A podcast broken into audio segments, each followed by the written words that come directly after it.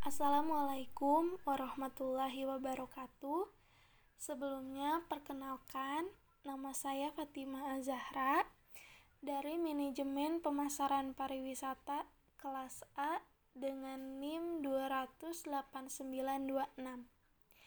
Nah, di sini saya mau menjelaskan beberapa materi yaitu tentang destinasi pariwisata, daya tarik wisata, usaha daya tarik wisata, dan lain-lain. Nah, yang pertama yang akan saya bahas di sini yaitu destinasi pariwisata. Jadi, destinasi pariwisata itu apa sih? Nah, destinasi pariwisata merupakan suatu daerah yang di dalamnya terdapat daya tarik wisata, fasilitas umum, fasilitas pariwisata, aksesibilitas, serta masyarakat yang saling terkait dan melengkapi untuk terwujudnya kepariwisataan itu sendiri.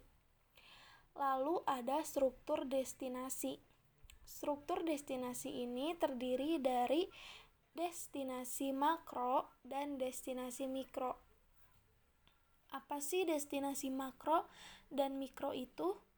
Jadi, destinasi makro merupakan destinasi yang terdiri dari berbagai negara, sedangkan destinasi mikro yaitu hanya negara atau provinsi, kota atau kabupaten, dan ada juga bagian kawasan.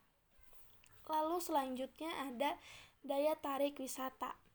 Nah, menurut Undang-Undang Republik Indonesia Nomor 10 Tahun 2009 tentang kepariwisataan disebutkan bahwa daya tarik wisata adalah segala sesuatu yang memiliki keunikan, keindahan, dan nilai berupa keanekaragaman kekayaan alam yang ada, budaya, dan hasil buatan manusia yang menjadi sarana atau tujuan kunjungan wisatawan.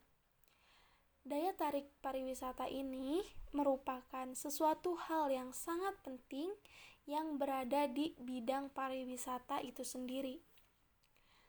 Lalu selanjutnya ada usaha daya tarik wisata.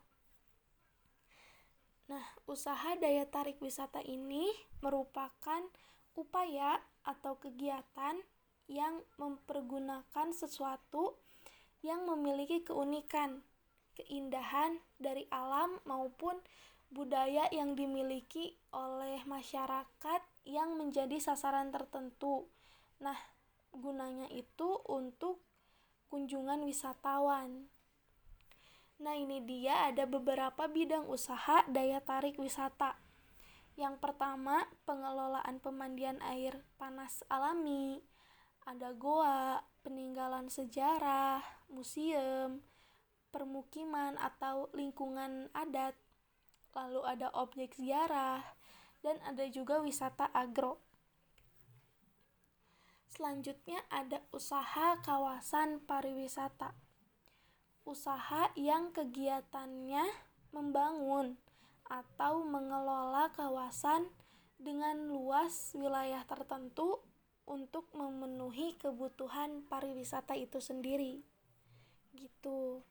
Jadi mungkin cukup sekian dari saya. Terima kasih. Wassalamualaikum warahmatullahi wabarakatuh.